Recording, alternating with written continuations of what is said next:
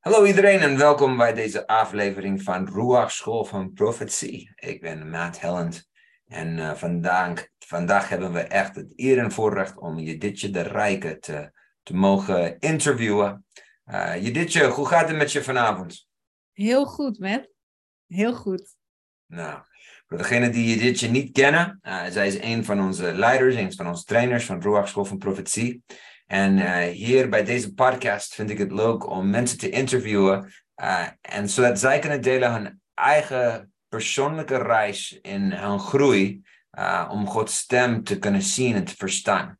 En hoe, hoe ze kunnen groeien wat de Bijbel beschrijft als de profetische bediening. Dus Jeditje, hoe, hoe ben jij gegroeid? Hoe, hoe ziet jouw reis er naar uit om, om te groeien in de profetische bediening? Ja, weet je, met voor mij is die eigenlijk ontstaan al voor mijn geboorte. En uh, uh, toen, toen, voordat ik geboren werd, zei mijn vader: God heeft een speciale bedoeling met dit kind. En uh, mijn moeder was 43. Eh, het was niet meer de bedoeling dat ze nog een babytje zouden krijgen voor hunzelf, maar God had een ander plan. En mijn vader zei: God heeft iets speciaals met dit kind voor. En toen ik zes was, heb ik mijn hart al aan Jezus gegeven, omdat ik gewoon wist daar wil ik bij horen. En vanaf dat moment, uh, weet je, is er voor mij in mijn leven al heel veel gebeurd. Van dat ik dingen zag bij mensen waarvan ik dacht, ik kan het niet weten, maar ik weet toch dat het klopt. En God liet me dingetjes zien waar ik ook kwam. En, uh, maar ik kon daar geen woorden aan geven, dus ik voelde me altijd een beetje een vreemde eend in de bijt. Uh, totdat ik gewoon ontdekte dat het gewoon allemaal heel bijbels is. Dat het heel kloppend is en dat het niet iets raars is, maar dat God aan het spreken was. Het was een soort Samuel-ervaring van... Uh, uh, dat, dat Samuel hè, drie keer geroepen werd en dat Eli zei, maar, maar dit is God die tot je wil spreken. En um, ja, voor mij zijn dat meerdere momenten geweest, maar een van de momenten is wel in Tsjechië geweest, uh, moet ik bekennen met. Op een zekere camping waar ik een zekere profeet ontmoette. nou, waarover heb je het nou? Nu moet je het uh, uitleggen aan onze kijkers en onze luisteraars. Dat, daar ga ik jullie in meenemen. In Tsjechië is er een mooie christelijke camping ik weet niet of ik reclame mag maken, maar ik ga het toch doen. Tuurlijk, uh, doe maar. uh, Let Me Den is dat. En uh, ik weet dat ik daar het eerste jaar kwam. En weet je, ik, kwam daar op, op, op, op, hemelse grond, op een heilig grondgebied. En ehm, dat was zo'n bijzondere ervaring. Mijn kind die altijd moest wennen, die was gelijk thuis. En ik zei tegen man, wat gebeurt hier? Wat gebeurt hier op deze camping? En voor ik het wist, liep ik bij de afwas en liet God me dingen zien. Kreeg ik gedachten van, uh, in mijn hoofd. En dat ik dacht, ja, er is iets met deze vrouw. En God liet me zien wat er aan de hand was. En ik zei, kan het zijn dat er dit aan de hand is? En die, ja, die mensen begonnen te huilen en die begonnen... Ik kreeg zoveel beelden van God dat ik dacht, God liet me openbaringen zien waar mensen mee opgebouwd werden. En um, na die vakantie ging ik vol naar huis en uh, ik reed weg en ik gooide mijn vuilniszakje in de, in de vuilnis. En God zei, dit is nog maar het begin. En uh, daar is mijn verlangen om Gods stem te verstaan gegroeid. Maar ik wist nog niet hoe en wat. Het waren mooie ervaringen, maar ik kon ze nog niet bijbels onderleggen. Ik kon ze nog niet toetsen. Eh, er was wel een vuur uh, aangewakkerd om me weer uit te strekken naar de gave van de geest. En toen kwam ik met tegen, uh, het tweede jaar op dezelfde camping. En um, ik weet dat de camping-eigenaresse zei, er is iemand die je moet ontmoeten. Dat is echt iemand die moet jij ontmoeten. En ik zat helemaal niet lekker in mijn vel. Um, en ik zei, ze zei, ken je Met niet? Ik zeg, nee, ik ken Met niet. Ja, Met is een groot profeet. En toen begon Met te profeteren. En uh, toen wist ik gewoon dat God sprak zulke accurate woorden door Met heen, dat ik dacht, ja, maar dit is thuiskomen. En niet omdat, omdat jij dat was met, maar omdat ik voelde, God liet me thuiskomen. Dit is wat, wat ik wil dat je gaat doen. En vanaf die vakantie waarin we samen optrokken, waarin je me uitdaagde van wat wil God tegen me zeggen op de meest onmogelijke momenten, um, leerde ik gewoon, God spreekt altijd. En um, dat, dat wilde ik niet meer loslaten. En dat wilde ik ook gewoon gaan uitdragen. En ik dacht, weet je, strek je uit naar de gaven, maar vooral van die van profetie. En het is voor mij zo'n opdracht geworden, maar ook een levensstijl. En um, ja, toen mocht ik mijn reis bij Roa gaan maken. Mooi. Nou, eh, voor degenen die luisteren of kijken, uh, heel veel mensen denken dat de profetie is alleen voor mensen die een beetje zweven door de lucht en uh, niet een normaal leven leiden. Vertel ons een beetje over jou, jou jouw familie en wat je, voor werk je doet, zodat mensen een beetje meer een plaatje kunnen krijgen over wie je ditje is? Nou, ik kom uit een gezin van vier kinderen. Ik ben een nakomertje en ik ben een dochter van een protestantse dominee, die in hart en nieren een uh, man was waar het woord centraal stond en de liefde voor Jezus centraal stond. En een moeder die datzelfde verkondigde. Maar wel echt vanuit een traditionele kerk, eh, waar ik ben opgegroeid met de heiligheid van het woord van God en het belang daarvan. Um, ik heb me er ook tegen afgezet, want ik ben ook, ik hou van heerlijk praktisch dingen doen. Ik hou van een Bourgondisch leven, dus ik um, heb hier een groot huis waar, waar ik heerlijk kook voor Jan en Alleman. En in het dagelijks leven ben ik manager geworden bij een uh, grote GGZ-organisatie nog voor een aantal maanden. En um, uh, ja, daar geef ik leiding aan uh, teams die met dakloze mensen werken, die met mensen uit huiselijk geweld, seksueel geweld situaties komen. Eh, die in de forensische zorg zitten. Eigenlijk met uh, mensen die uh, door de samenleving vaak nou, aangekeken worden of opzij worden geschoven. En God heeft me deze mensen echt op het hart gelegd. Dus daar regel ik hele praktische dingen voor. En daar ben ik met dingen bezig als subsidies binnenhalen. Heel zakelijk en financieel. En, maar ook heel mensgericht. En ehm, ja, bezig bijtje. Dus ik ben, veel, ik ben getrouwd met Lennart. Uh, Lennart is voormalig uh, politieagent. Uh, die is nu vitaliteitscoach. En ehm, samen hebben wij drie kids. En proberen we ze mee te nemen in doen wat je zegt en zegt wat je doet. En het woord van God leven. En niet alleen maar prediken en niet zweverig, maar gewoon. Wees gewoon. En ehm, voor mij is dat belangrijk. Als ik in een overleg zit, dan ga ik niet vertellen dat, uh, dat mensen het evangelie tot zich moeten nemen. Maar dan leven we het evangelie.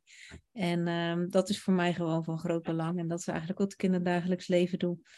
En daarnaast geef ik training bij Roa. En dat is uh, mijn hoogtepuntje van de week. Mooi, mooi. Hey, ik, uh, ik wil teruggaan naar een punt waarover je, je sprak over je vader, maar ook over jezelf. En dat is gewoon je, je eigen relatie met Jezus. Uh, hoe, ziet dat, hoe ziet dat eruit en hoe ervaar jij intimiteit met Jezus? Ja, weet je, dat heb ik echt op heel veel verschillende momenten. En dat wat ik geleerd heb, zeg maar, in de laatste jaren, eigenlijk sinds ik met Roa ben begonnen. En dat is niet om Roa op te hemelen, want het gaat niet om Roa. Maar wat ik er geleerd heb is, op elk moment kan ik met Jezus wandelen. Dat is niet meer iets van in de kerk en dat is niet van op een conferentie en dat is niet van tijdens een Bijbelstudieavond. Maar wat ik geleerd heb is, als ik in een overleg zit en ik weet echt niet wat ik moet doen, of ik kom in een situatie waarvan ik gewoon denk, ik ben aan het kibbelen met mijn man, dan zeg ik, Heer, wat, wat, wat moeten we nu gaan doen? En we, en we vouwen onze handen en we gaan naar Jezus toe en er komt een diepe vrede. En um, tijdens overleggen kan ik soms denken, wat moet ik nu doen? wilt u me nu degene op laten vallen waar ik iets mee moet? En dan, dan zegt Jezus voor mij, dat is degene waar je naartoe mag gaan. En voor mij is, is Jezus iemand geworden met wie ik wandel, met wie ik samen wil zijn, met wie ik, als ik s'nachts wakker word, dan is mijn eerste gedachte, oh, dat is quality time met God. En dan mag ik gewoon bij hem zijn. En de ene keer mag ik bij papa op schoot zitten en de andere keer vertelt de Heilige Geest me iets wat ik door mag geven. Maar dat voor mij is het zo, niet alleen maar Jezus, maar voor mij is het zo de drie eenheid. De Papa God, Jezus mijn verlosser, mijn vriend, mijn, mijn adem en de Heilige Geest die gewoon zo mijn kompas is. En zo met me meewandelt en me de weg wijst. En uh, ja, voor mij is dat eigenlijk mijn, mijn daily breath. Ik kan me voorstellen dat sommige mensen uh, kijken naar jou, luisteren naar je en ze denken dat je alles voor elkaar hebt. En dat je misschien nooit uh, een moeilijke tijd in je leven hebt gehad. Nou, ik weet een beetje over, over je. Wil je delen wat momenten die, die niet zo leuk waren en hoe, hoe Jezus jou daarin heeft ook geleid? Zeker. Um, en weet je, een van die momenten is een jaar of zeven geleden geweest. Uh, ik deed een uh, trainingsschool voor bevrijdingspastoraat en uh, dat gaf wat strijd in mijn huwelijk. Mijn man was op dat moment absoluut niet gelovig. Die eh, had helemaal niks meer met God. En die kwam thuis op 1 januari en die zei: Ik ben klaar met jullie christenen. Ik, ik walg van jullie christenen tot op mijn bot en ik ga bij je weg. En met dat is voor mij een moment geweest dat ik het uitgegild heb van de pijn. Dat ik dacht: Hoe kan het nou? Want God heeft ons bij elkaar gebracht. En Weet je, het is voor mij echt een pittige periode geweest. En toch voelde ik, oké, God, ik geef hem aan u terug. En, um, uh, maar dat was moeilijk. Weet je, op een avond kwam hij thuis na 2,5 maand en toen zei hij, ik had voor mezelf een termijn vastgesteld en over een week eh, is die termijn afgelopen, maar ik bereid je voor, ik ga bij je weg. En dat was voor mij echt, toen dacht ik, Heer, u heeft een belofte gemaakt, maar het lijkt nu toch niet werkelijkheid te worden. En dat, zijn echt, dat is voor mij een heel diep moment geweest, dat ik dacht, Heer, hoe kan het nou? Gaat u me nu toch echt in de steek laten? En dan heb ik ook wel gezien hoe belangrijk relaties zijn. Toen heb ik een vriendin opgebeld en gezegd, ik heb iemand nodig die, net als bij Mozes, zijn arm omhoog houdt in de strijd. Want het lukt me gewoon niet meer om te gaan staan op de beloftes die er op ons leven liggen. Dus ik heb het nu nodig dat iemand anders er voor me op gaat staan. En um, zij zei, nou dat is mooi dat je belt, want en dan heb je weer, hè, God had tot haar gesproken. En ik zit helemaal niet in een Pinkster-netwerk, begrijp me niet verkeerd, in die tijd zat ik in een baptistengemeente. Dus dit klinkt allemaal heel zweverig, maar zo zweverig was ik helemaal niet en ben ik eigenlijk nog niet, want ik ben ook gewoon heel nuchter en ik hou van hard werken. Maar op dat moment, um, weet je, sprak God tot haar en die zei, je moet zeven dagen gaan bidden om de muren van uh, je mans hart. En uh, met een aantal mensen die je vertrouwt. En dat zijn we gaan doen. En op de avond van dag zes stond hij op de stoep. En toen zei ik denk erover om terug te komen. En toen dacht ik, maar God had zeven dagen gezegd. Dus ik zei, dan moet je er nog een nachtje over slapen. En ik had tegen God gezegd, om twaalf uur de volgende dag, uh, dan is hij welkom. En stipt om twaalf uur stond hij op de stoep. En ik had het niet gecommuniceerd. Dus weet je, dit zijn de momenten geweest daar, dat was zwarte sneeuw, maar ook de afgelopen zomervakantie. Hè, met het vele harde werken en denken, ik moet maar presteren en ik moet aan verwachtingen voldoen. En ik moet iedereen maar eh, bedienen met dat wat er nodig is. Ben ik gewoon oververmoeid geraakt. En uh, ik kon niet meer. Ik kon even niet meer geven. Na het overlijden van mijn moeder in februari eh, kwam de naslag deze zomer. Ik was gewoon op. En uh, ja, dan is het gewoon, dan is het niet alleen maar makkelijk. En dan kan ik ook niet altijd voelen uh, dat ik een relatie met Jezus heb of dat het allemaal goed komt. Maar ik weet het altijd, omdat Gods belofte ja en amen is. En uh, dat is voor mij wel iets dat ik denk, ik ben zo dankbaar dat je door intimiteit met God uh, steeds ook meer die identiteit gaat wortelen, waardoor ik gewoon merk, ook als het moeilijk is, dan voel ik me niet zo lang. Maar ik weet nog steeds wat mijn identiteit is. En uh, dan moet ik even tijd nemen, net als Jezus in de woestijn, om soms even de, de beproevingen te doorstaan en te weten, ik weet nog steeds wie mijn God is. Wat is jouw identiteit? Dat ik een hele geliefde dochter ben van Jezus Christus, met. En uh, dat, dat niet meer en niet minder. En daar uh, heeft hij me gewoon alles aan vastgegeven. Weet je wat ik doe, wie ik ben. Hij heeft me gemaakt, precies zoals hij me wilde hebben, omdat hij me op een plek heeft gezet waarvan hij dacht, daar heb je deze vaardigheden voor nodig. En dat is wie je bent. Je bent in mij, van mij en door mij. En voel ik dat altijd? Nee. Ik heb ook momenten dat ik heel onzeker ben en dat ik denk, ik ben het niet waard of mensen vinden me niet aardig. Maar het is altijd iets waar ik naar terug ga. Het is een soort bron. Als ik het niet meer weet, dan moet ik weer even zoeken waar de bron in mij was. En dan kom ik er altijd weer terecht, want hij trekt. Mooi. En, en kan jij um, ons een beetje meer vertellen? Want ja, God spreekt tot iedereen op verschillende manieren. Uh, uh, krijg jij dromen vaak, beelden? Uh, hoor je dingen? Hoe, hoe, hoe ervaar jij het God tot jou spreekt. Uh, in, in de meeste gevallen. Misschien niet in elke geval, maar hoe, vaak, hoe, hoe ervaar je dat heel vaak? Voor mij zijn het heel vaak gedachten en beelden. Echt heel vaak. En uh, dromen, ik zou willen dat ik ze meer had. Dat is nog, staat nog op mijn verlangenlijstje. maar dat is nu nog niet gegeven. Ik heb wel eens dromen, maar niet zo vaak. Dus voor mij is het heel vaak een beeld. Um, en nou, van de week was een voorbeeld, werd ik wakker. En toen liet God me een beeld zien van drie kabels. En ik zei, heer, wat betekent het dan? Nou, en dan krijg ik er woorden bij. Dan krijg ik eerst gedachten in mijn hoofd. En dan zeg ik, Heilige Geest, wilt u dit bevestigen? En wilt u nu nog een keer een, een specifiek woord? En soms, als, ik het, als het een woord is waarvan ik denk, oeh, hier zit iets in. Dan vraag ik, Heilige Geest, wilt u het op een andere manier bevestigen? Dat ik weet dat u hetzelfde zegt of denkt. Maar niet met een woord wat mijn eigen is. En dan krijg ik soms een heel ander woord wat, wat helemaal niet in mijn vocabulaire zit. En dan denk ik, oh ja, Oh ja, dus het komt bij mij heel vaak, zijn, zijn het gedachten in mijn hoofd die de Heilige Geest daarin uh, inlegt. En beelden. Beelden. Wil je nog uh, één of twee voorbeelden geven van een beeld dat jij zag voor iemand of een woord? En en hoe dat, ja, hoe, hoe dat God was die tot hen wilde spreken. Ja, dat wil ik wel. Ik moet alleen even nadenken, want ik weet niet wie de podcast uh, luistert, dus ik wil wel privacy van mensen borgen. Is goed. Vorige week een beeld voor een, uh, voor een vrouw die, uh, die is weduwe en die heeft een nieuwe relatie. En ehm, God maakte me wakker s'nachts en die zei, dat is het beeld van die drie strengen.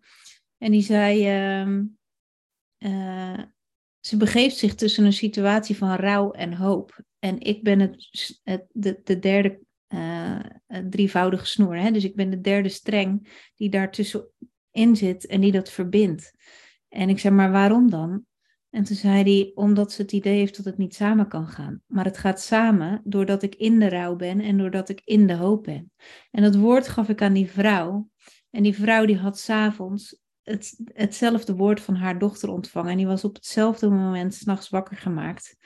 Uh, dat de Heilige Geest deze woorden tot haar sprak. En dat was een doorbraak eigenlijk om voor haar zich in die relatie te geven. En uh, ja, dat was voor mij ook weer een bemoediging. Dus, dus dat vond ik zo bijzonder. Dat was voor haar een bevestiging, voor mij een bemoediging. Je verstaat Gods stem. En bij jou, met heb ik het volgens mij een keer gehad dat ik uh, wakker werd met, het, met drie broden, eh, met het verhaal van de broden en de vissen. En uh, dat ik dat met je gedeeld heb, dat ik zei van, joh, ik zie dit voor me. En dat het gewoon een woord was wat jij, waar jij in je stille tijd uh, mee bezig was geweest. En dat ik dacht, ja, hoe moet ik dit nou, moet ik dit nou echt delen? En dat je me op de conferentie of op een, op een dag liet zien van, kijk, dit is waar ik mee bezig was deze week. Dat had ik in die stille tijd gedaan. En uh, voor jou een bevestiging dat God je daar echt iets door wil, wil vertellen. Maar voor mij ook een bevestiging, hey, ik, ik, dit is dus echt hoe de Heilige, dit is de klank dus van de Heilige Geest. Dus door uit te stappen en die bevestiging ook te krijgen, um, ga je ook nog meer Gods stem leren verstaan. Want je, je hoort, je, je merkt dus, het, het is wel degelijk uh, kloppend. En, en ik, ik neem aan dat er mensen zijn die of kijken en zij zeggen, hey, ik, ik wil ook graag hierin groeien. Ik wil ook leren Gods stem verstaan en zien en profiteren. Uh, wat zou jij aan hen aanraden om te doen? Nou ja, ik zeg eigenlijk is mijn principe, weet je, geloof laat je dopen en volg Roa. Uh, dat is eigenlijk hoe ik denk dat het zou moeten. Uh, omdat ik merk, en, en als je nog niet gedoopt bent, dan kan je ook Roa volgen. Het is geen, het is geen wet. Maar wat ik mooi vind aan waarom, wat, wat je bij Rua leert en wat je dan dus in de praktijk kan gaan brengen, zeker bij Rua 1, leer je gewoon al heel simpel uh, om je mond te gaan openen aan de hand van een springplank. Dus bijvoorbeeld door even aan de hand van een voorwerp te zeggen: Ik vergeet nooit dat met mij belde in een overleg. Ik zat in een vergadering, dan ben ik best wel hier bezig en hij zei: Ik heb nu een woord, uh, of heb je nu een woord voor een vriend van mij? Geen idee wie die vriend was. Ik liep op een gang waar ik echt niet over geloof kon praten. En ik loop een magazijn in. En ik denk, oké, Heilige Geest, dan moet u me nu een voorwerp uh, tonen waar ik aan de hand van kan gaan profiteren. Want ik, mijn hoofd gaat het nu echt niet doen. En ik zie een schrijfblok liggen. En ik begin, oké, dan gaat u aan de hand van het schrijfblok iets vertellen tot deze man. En ik open mijn mond en ik begin over het schrijfblad of het schrijfblok. En de Heilige Geest vult gewoon je mond. En het bleek precies te kloppen bij die man. En dan gaat het niet om dat mijn verhaal klopt, maar de springplank van zo'n uh, van zo'n schrijfblok en het geloof dat de Heilige Geest je mond vult, dat is eigenlijk gewoon een principe waar het mee begint. En door dat te doen en dan te merken dat het klopt, word je bekrachtigd en bevestigd dat je wel degelijk de stem van God kan verstaan en kan spreken. Zelfs als je hem nog niet verstaan hebt, kun je hem al spreken.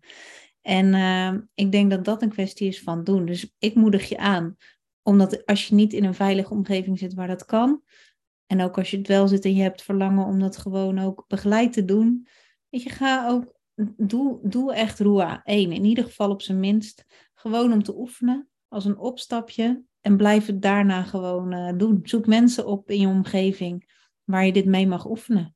Nou, het is, het is leuk dat jij het zegt. En ik, ik mag ook, gewoon aanvoelen dat dat een uh, hele goede vriend van mij is, die ook een voorganger is van een kerk. Uh, en ik zeg al jaren tegen hem: je moet schrijven, je moet schrijven, je moet schrijven. Want hij, hij kan heel goed praten en communiceren en ook schrijven. En dan uh, ja, bel ik jou en jij springt in een bezemkast. En dan begin jij te zeggen: ik, ik ervaar dat de Heer zegt: je moet schrijven. Dus dat is, dat is heel mooi. Um, en, en hartstikke leuk. Um, je hebt over Ruach 1 gesproken. Uh, wat valt je op bij, bij bijvoorbeeld uh, Ruach niveau 2? Wat heb je daar geleerd?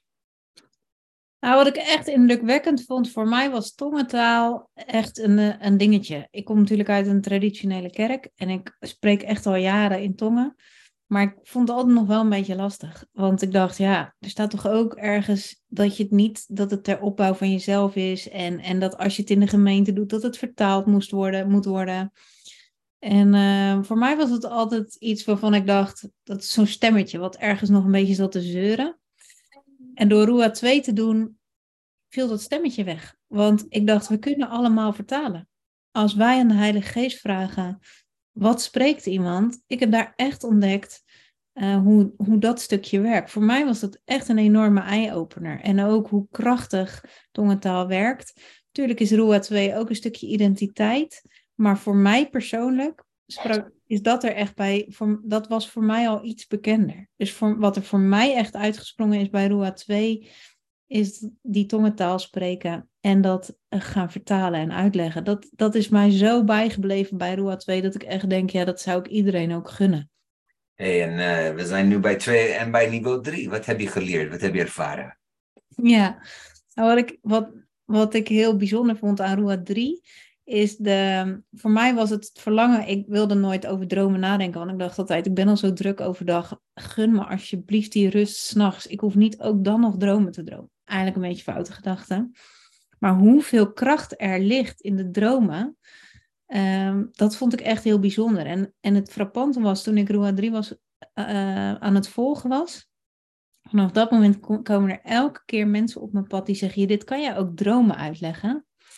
En dan denk ik, we kunnen het allemaal, maar Rua 3 heeft me zo geholpen om ook symboliek in beelden uh, te kunnen uitleggen. Maar ook in dromen, om dromen te kunnen vertalen, zowel op een profetische manier als op een bijbelse manier. Uh, dat ik denk, weet je, God heeft gewoon ook nog verschillende manieren waarop hij onze dromen uh, wil duidelijk maken en wil laten interpreteren. En dat vond ik een heel mooi voorbeeld van een vriendin van mij, die heeft ook Rua 3 gevolgd. En die vroeg aan mij om uitleg van een droom. En ik legde hem profetisch uit. En vervolgens belde ze met Jolanda Bel, die ook vaak Rua 3 geeft, die ook het boekje heeft geschreven van Rua 3. En die gaf haar een hele mooie uitleg, ook aan de hand van haar boek. En de principes van, van de beelden die in die droom voor, voorkwamen. En uh, dat was een hele mooie aanvulling op elkaar. En toen dacht ik, dat is nou precies wat Rua 3 leert. Weet je, je hebt verschillende manieren om die dromen uit te leggen, maar je krijgt handvaten om beelden te vertalen die God in een droom of in een beeld uh, tot mensen spreekt. prachtig. Nou, ik was niet van plan om uh, een samenvatting van de drie niveaus te doen, maar dat was uh, verrijkend en dat was mooi. um, en en, en ik, ik wil even, even terug hier naartoe gaan. En dat is eigenlijk gewoon toen je een kind was. Want Jezus zegt, je moet zoals een kind zijn om een Gods koninkrijk te komen. En profetisch heeft heel veel te maken met dat je gewoon kinderlijk geloof mag hebben. Uh, hoe, hoe, hoe kan je vergelijken jouw geloof als een kind van zes of zeven of wat dan ook? En van, van toen en nu. Hoe, is dat, uh, hoe heeft dat je geholpen? Of hoe is dat verrijkend om te geloven als een kind? Weet je, het neemt gewoon je drempels weg. Weet je, ik denk, wij denken nu veel te veel na. Als ik moet gaan bidden voor iemand die, die, die kanker heeft, dan uh, denk ik, ja, en wat als God nou niet geneest? Uh, terwijl mijn zoontje van, uh, van drie jaar oud toen, nu, nu is hij drie jaar ouder, die zag mijn dochter met extreme bloedneuzen. En die zegt, mama, dan moeten we ervoor bidden. En die legt zijn handje op de neus en die zegt in Jezus' naam genezen. En vanaf dat moment heeft zij nooit meer een bloedneus gehad. En ik dacht, dat is nou precies het verschil tussen een kind die gewoon niet twijfelt, die gewoon zich overgeeft en zegt, maar zo simpel is het, het staat er toch, dus ik doe het gewoon. Die heeft niet de ballast van ongeloof, van negatieve ervaringen, van stukken die aan je identiteit zijn gaan kleven, die niet van God zijn. Die is zo dicht eigenlijk bij het vaderhart van God, omdat hij gewoon alle ballast vrij kan laten van twijfel, van negatieve ervaringen. Je zegt gewoon, Heer, hier ben ik, u zegt het, dus ik ga het doen. En, en die vrijmoedigheid als een kind, ja, af en toe voel ik hem en dan geniet ik er heerlijk van, want dan voel ik me vrij. En dan denk ik, dit is hoe we in de hemel gaan zijn. Dan geloven we gewoon zonder enige schroom. En uh, nou, nou heb ik echt geen gebrek aan geloof. En toch zou ik nog meer willen geloven als een kind. Want dan zou ik gewoon zonder enige twijfel alles doen wat er in de Bijbel staat. Zonder er ook nog maar een seconde over na te denken. En uh, nou, dat is, dat is prachtig. En uh, aan die punt wil ik je vragen om, om te profiteren over iedereen die luistert en kijkt. En voordat uh, ik zeg dat woord profiteren, sommige mensen schrikken en denken, oh, ze gaat de toekomst voorspellen. Nee, eigenlijk profetie is namelijk mensen opbouwen, bemoedigen, troosten. Het is getuigen van Jezus. Eigenlijk profetie is een normaal onderdeel van gebed. Als we praten met God, dan gaat hij ook tegen ons praten. Dus uh, uh, wil jij alsjeblieft profiteren of bidden? Uh, gewoon uitspreken de woorden die jij gelooft, die God wil zeggen tegen de mensen die geloven of kijken. En trouwens, degene die geloven en kijken, ga niet meteen zeggen met een kritische houding, maar open je hart als een kind. En ontvang deze woorden van leven en laat ze echt tot je hart en je gedachten komen, alsof ze zelf van, van Jezus Christus aan het komen was. Want ja, Jezus leeft en woont ook in je ditje. Dus Juditje, wat, wat, wat wil je gewoon uitspreken over de mensen die horen, die luisteren en die kijken? Nou, weet je, eigenlijk wil ik jullie nu gewoon als eerste vragen op de plek waar je ook bent, behalve als je in de auto zit en achter het stuur loopt of op straat loopt. Maar als je zit en de gelegenheid bent, zou ik je eigenlijk willen vragen om gewoon op dit moment je ogen te sluiten. En uh, ik zou je eigenlijk gewoon uit willen nodigen om op dit moment terug te gaan naar een situatie dat je zeven jaar oud was. En uh, ik wil je vragen om naar een situatie te gaan waarvan je echt denkt, dat was nou symbool voor wie ik was als kind.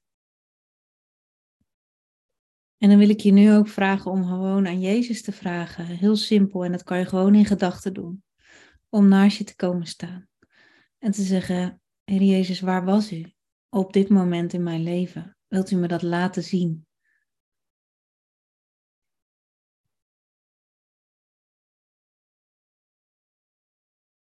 En dan wil ik opnieuw aan je vragen om aan Jezus te vragen, wat zou u nu tegen mij willen zeggen? In dit moment.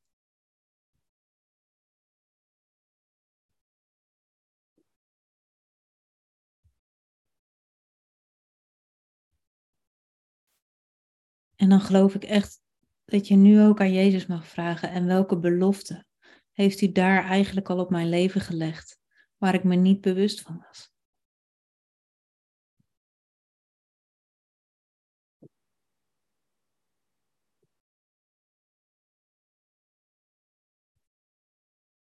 En ik geloof dat, uh, weet je, ik, ik ben ervan overtuigd dat Jezus op dit moment echt tot jullie gesproken heeft.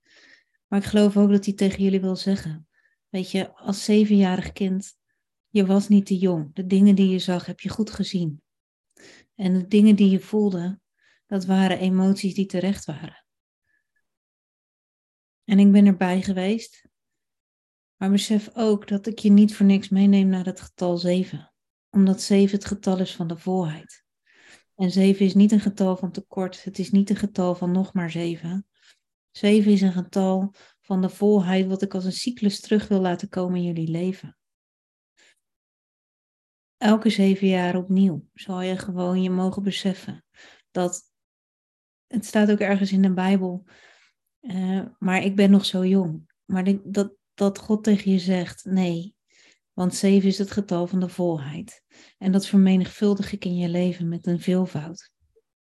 En dan ben je niet te jong. Niet als 7-jarige, niet als 14-jarige, niet als 21-jarige en ook niet als 70-jarige. Het is goed. En ik ga je meenemen door de situaties. En ik ga me openbaren. En elke keer mag je teruggaan naar de belofte van die 7-jarige en zeggen welke belofte wil ik daaraan toevoegen. En God gaat jullie laten zien dat hij die beloftes die hij als zevenjarig op jullie leven heeft gelegd ook gaat vermenigvuldigen. En dat hij die terug gaat laten komen in een veelvoud, maar ook met toevoegingen. En uh, nou ja, daarmee wil ik jullie echt zegenen. Dat ik denk de beloftes die op jullie leven gelegd zijn, dat God die opnieuw naar boven gaat halen. En ook gewoon gaat bekrachtigen in jullie levens, gaat toevoegen en gaat vermenigvuldigen. Dus uh, het wordt een mooie tijd. Daarmee wil ik jullie echt zegenen. Ja, en ik wil gewoon uh, toevoegen, alles wat God heeft aan je gegeven, alles wat Hij heeft aan je beloofd, dat Hij dat jij het pakt. En een van die dingen wat de Bijbel zegt is, jaag er liever na en naar de gaven van de geest, vooral naar die van de profetie. En als jij hier meer wil uh, groeien, nodigen we je uit om, om bij ons Ruach te komen. Er zijn ook andere bedieningen, andere goede kerken, andere plekken waar je hier kan leren. Maar wij hier in Nederland hebben een, een nieuwe generatie van profeten van liefde. Volg met Gods woord en zijn genade om mensen te laten zien dat God bestaat en dat Hij uh, een toekomst en een plan voor ze heeft. In een tijd waar er zoveel duisternis en hopeloosheid is, willen wij echt bakkens van licht mogen zijn die zijn licht verspreiden. Dus we zegenen jullie en uh, ja, Judithje, ik wil je echt bedanken. Uh, je bent onze profeet uit Zeeland, dus halleluja, geweldig. Uh, is er nog één laatste woord wat je wil zeggen voordat wij deze podcast, voordat wij deze video eindigen vanavond?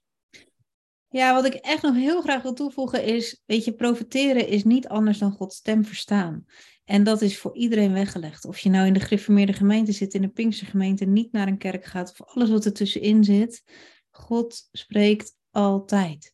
En maak profiteren niet iets heiligs van een van de vijf, van de vijf bedieningen of, van, of van, de, van hoeveel bedieningen je er ook aan wil koppelen. Gods stem verstaan is gewoon relatie hebben met God. En dat wil hij niet met, met alleen maar oudste of ouderlingen of, of voorgangers.